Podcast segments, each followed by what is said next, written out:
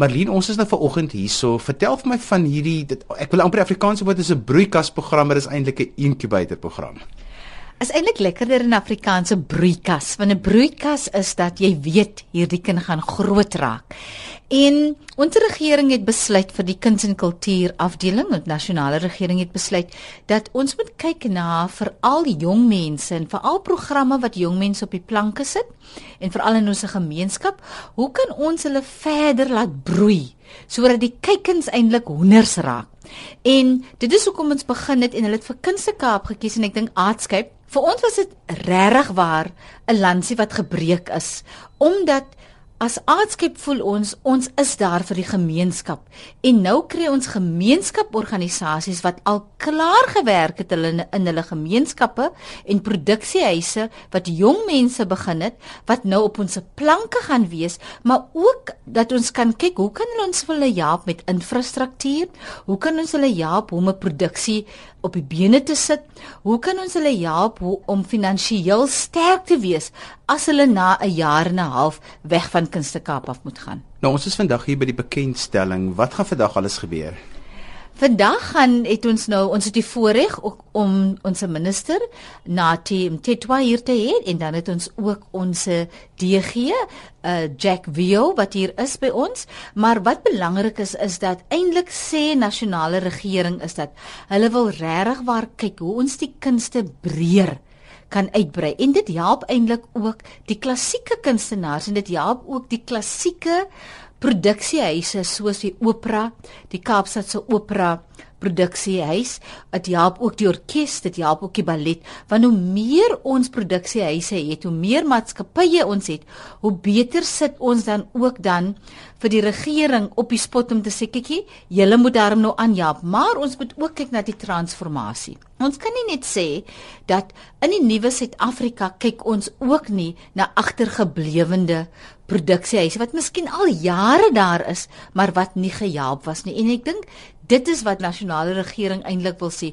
Kom ons sê by Aardskyp, kom ons sit vir die Kaapstadse Opera saam met die Wes-Kaapse koormusiekorganisasies wat vir jare daar is en ons het 'n huis vir hulle almal en die huis gaan wees Artscape. Uh, my name is Vuyo Jack, the Acting Director General of the Department of Arts and Culture.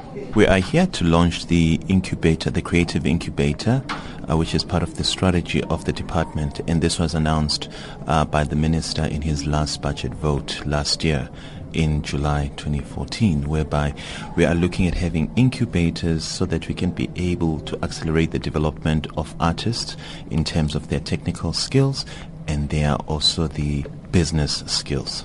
Why it's so important to have an incubator at a center like this? because this is a nerve cell in effect in, in, in the sense that it's the center that is central and also that is already thriving in terms of existing programming. So you want to be able to give exposure for the artist to actually see this is the road that I can be able to travel to and be able to be exposed and immersed in that environment, it becomes quite important.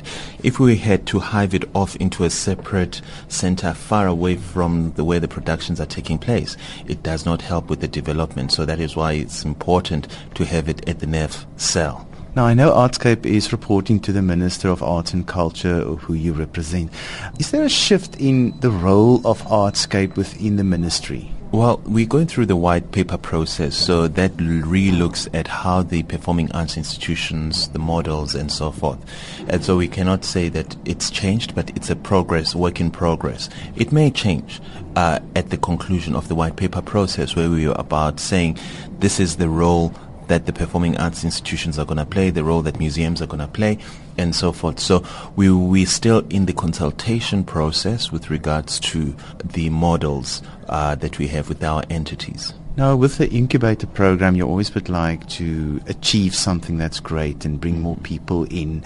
What is specifically for the department? What is in it for them? Absolutely, very important question because for every investment there must be a return. So the critical returns are there must be more local productions being uh, conceived and put on stage and then we will create platforms for the touring of those productions, both at the local level, regional level, national level, and ultimately at the international level because we want to be able to find the iconic productions in these incubators so that uh, we can be able to showcase the talent.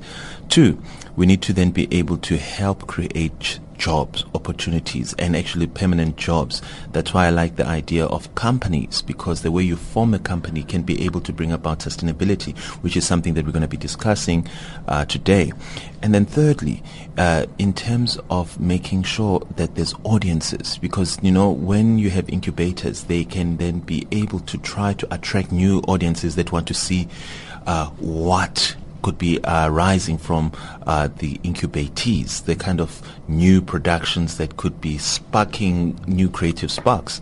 So the, that's the cr- critical thing. Audience development becomes important.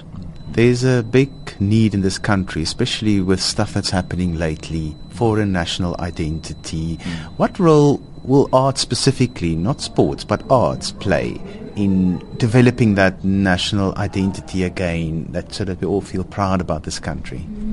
You know, arts plays a very important role for social cohesion and nation building. Uh, for example, having national symbols and, and so forth is a beginning towards that national identity. But we need to be defining what is South Africanness, uh, because I mean, we have uh, quite diverse cultures, but we need to have something that unifies us beyond those diverse cultures, but without obliterating those diverse cultures because you do not want to have uniformity. Otherwise, you're just going to then be having robots that don't have personality. We are interested in personalities, but within that overall identity. So, like you go to the US, there is the American identity, but you can tell when you're in Atlanta is very different from Los Angeles, from New York, from the Midwest, and so forth. And there is those local nuances. But there is that broader identity.